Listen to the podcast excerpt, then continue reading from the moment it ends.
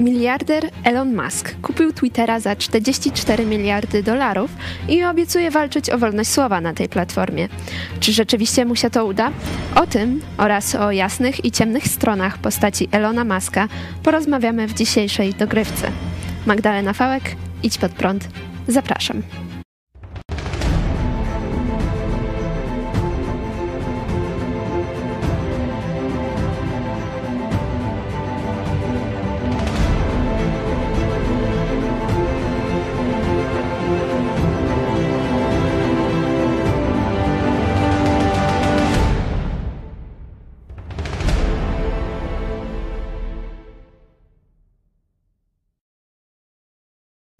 A ze mną w studiu jest y, Marcin Palimonka w redakcji Idź Pod Prąd, ekspert od spraw technologii. Witam cię serdecznie. Mm, dzień dobry, witam Państwa.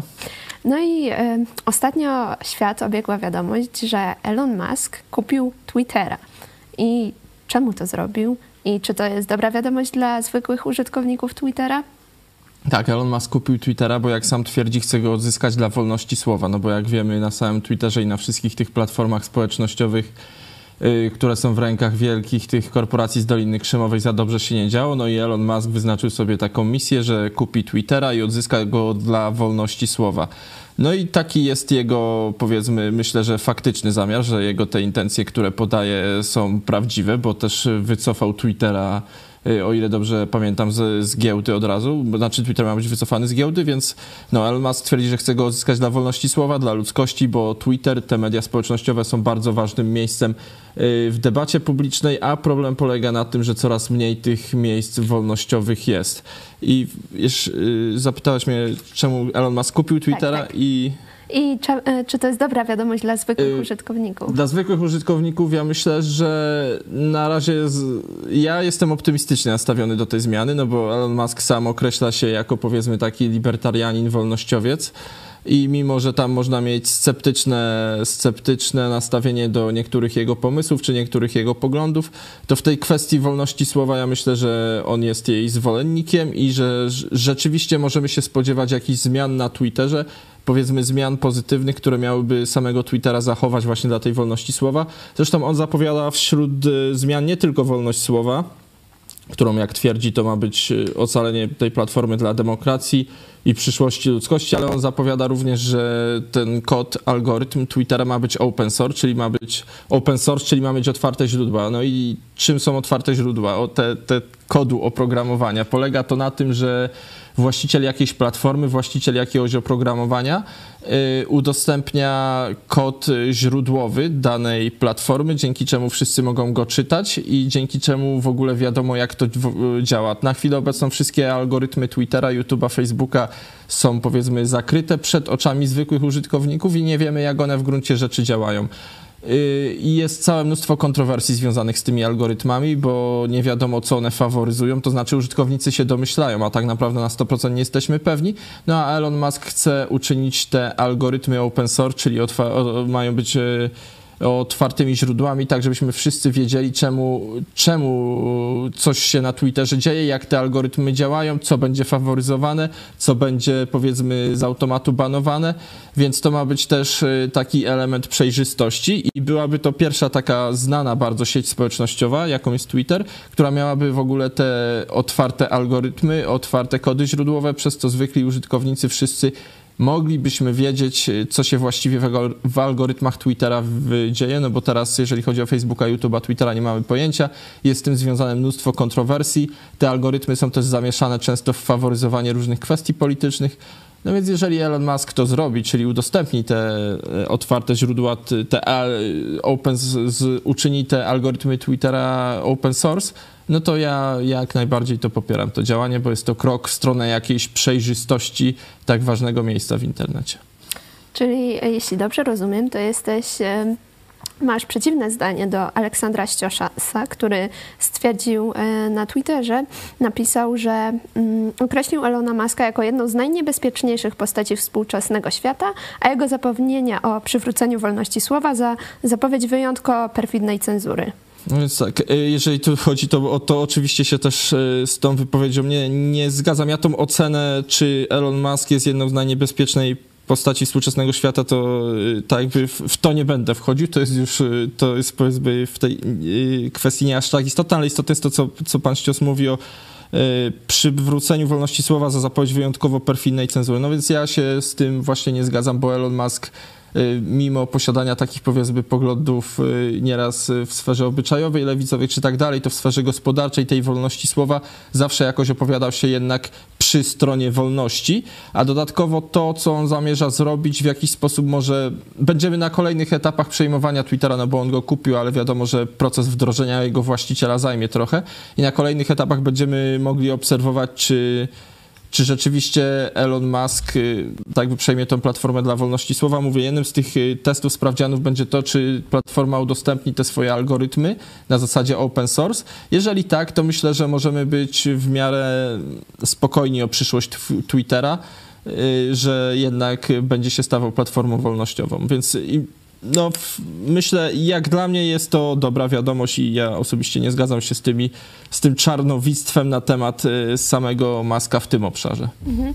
A propos też y, postaci Elona Maska, to wiemy, że pomagał on y, na Ukrainie razem z Danielem Obajtkiem. Dostarczyli partię Starlinków na Ukrainę akurat w tej sytuacji, którą mamy, czyli w trakcie wojny, żeby pomóc. E, tak, zgadza się. Można też wspomnieć, bo może nie wszyscy też wiedzą, czym jest ta, ten Starlink. Starlink, e, no, ogólnie na całym obszarze Ukrainy jest problem z internetem, bo Rosjanie po prostu niszczą infrastrukturę radiową, telewizyjną, internetową i każdą. I internet dla walczących Ukraińców jest bardzo ważny, no bo on pozwala chociażby in, in, informować się nawzajem, informować jaka pomoc jest potrzebna, łączyć się z bliskimi, co też podnosi morale ludzi broniących się, więc internet jest bardzo ważny i, i nie było go w wielu obszarach i, i, i Ukrainy. I właśnie Elon jak wspomniałeś, dostarczył ten swój Starlink, czyli to jest ten internet satelitarny, on jest oparty o sieć satelit, które unoszą, znaczy nie unoszą się, tylko są na orbicie na wysokości około 550 kilometrów, ten internet będzie w przyszłości dostępny globalnie. I na chwilę obecną Elon Musk przekazał właśnie na prośbę, prośbę jednego z ministrów mnóstwo tych tak zwanych terminali Ukrainie. I rzeczywiście można powiedzieć, że w tym obszarze znowu Elon Musk tak by no, no, zachował się jak trzeba, no bo y, miał dostęp do tych swoich, do tej swojej technologii, przekazał mnóstwo terminali i wiele miejsc na Ukrainie teraz ma dostęp do internetu tylko i wyłącznie dzięki sieci Starlink, bo sieć Starlink y, ona jest niezależna od infrastruktury naziemnej, bo komunikuje się tylko z tą satelitarną.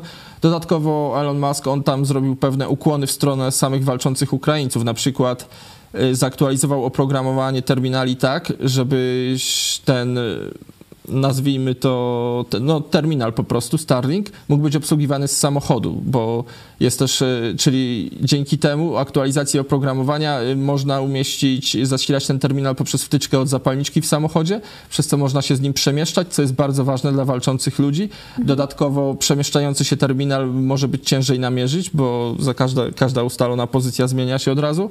Więc y, no, on tutaj wykonuje takie gesty jak aktualizacja oprogramowania, jak to, że chroni też swoje satelity przed Rosjanami, bo oni od razu zaczęli je zakłócać. Też, też tam była chyba jakaś aktualizacja oprogramowania w satelitach. To, że to jest prywatna firma, to pomaga mu, powiedzmy, że on może wprowadzać te zmiany natychmiast, więc tutaj na Ukrainie też myślę, że dużo pomógł tym swoim internetem i tymi aktualizacjami i tym, że terminale mogą być przewożone w autach i działać w tym samym czasie, dostarczać internet.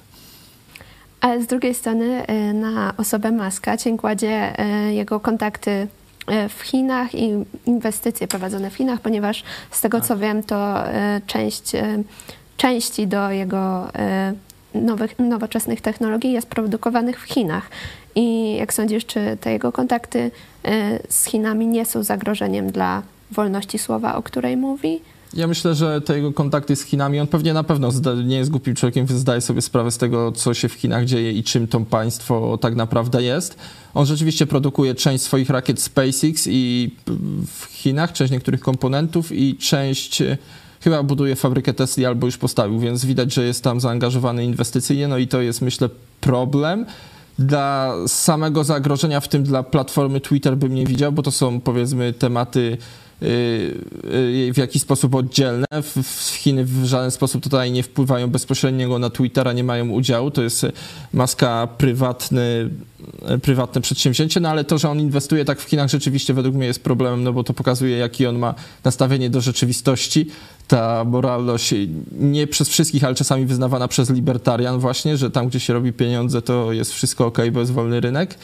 No i dodatkowo też on stwarza zagrożenie dla samego swojego państwa, bo y, Pentagon jest zaniepokojony tym, że część z tych satelit SpaceX jest produkowana w Chinach, które też to, znaczy on konkretnie w Chinach produkuje te komponenty internetu Starlink mhm. i to znaczy zaczął to robić i to jest, y, sam Pentagon twierdzi, zagrożenie duże dla nich, bo tak jak internet Starlink odnosi duże sukcesy na Ukrainie, może dostarczać internet wojsku w każdym miejscu Ukrainy praktycznie, tak samo Pentagon jest zainteresowany tym, żeby internet Starlink dostarczał y, internet Armii Stanów Zjednoczonych wszędzie na globie, niezależnie od miejsca. I to by bardzo ułatwiło komunikację i było prze, przełomowe, powiedzmy. Tylko problem jest to, że Pentagon się obawia, że to będzie po części produkowane w Chinach i już na chwilę obecną chce Trump, Maskowi dawać jakieś tam ulgi podatkowe i inne rzeczy, żeby go przed tym powstrzymać. Mhm. No i to jest, to jest problem z postacią Maska właśnie, że on z jednej strony potrafi mieć dobre pomysły, ale całe mnóstwo ma fatalnych, jak inwestowanie w Chinach, y, jak twierdzenie, że potrzebujemy implantów w mózgu, żeby nie musieć korzystać z klawiatury w komputerze i tym podobne rzeczy. No więc y, to jest y, postać delikatnie mówiąc kontrowersyjna, ale same te inwestycje w Chinach ja myślę, że to stricte tam na chwilę obecną nie wpływa na kwestię Twittera, aczkolwiek y, samemu Maskowi trzeba się przyglądać, bo on ma różne pomysły. Czyli w kwestii Twittera jesteś pozytywnie nastawiony? W kwestii samego Twittera jestem pozytywnie nastawiony, do całego mnóstwa pomysłów Elona Maska jestem sceptyczny. Rozumiem. E, no, także my już będziemy powoli zmierzać do końca. Dziękuję Ci bardzo za udział e, w programie. Był e, z nami Marcin Palimonka, ekspert do spraw technologii w naszej redakcji. Dziękuję Ci bardzo. Dziękuję, dziękuję Państwu. A my jeszcze powiemy słówko o wsparciu, ponieważ jak wiecie, Nasza telewizja utrzymuje się z Waszego wsparcia i e, z Waszych wpłat, więc zachęcamy Was e, do wsparcia, jeśli podoba Wam się to, co robimy. No i e, na dzisiaj możemy jeszcze po programie puścić animację i zobaczycie, ile już aktualnie mamy wpłat. Dziękuję bardzo, do widzenia.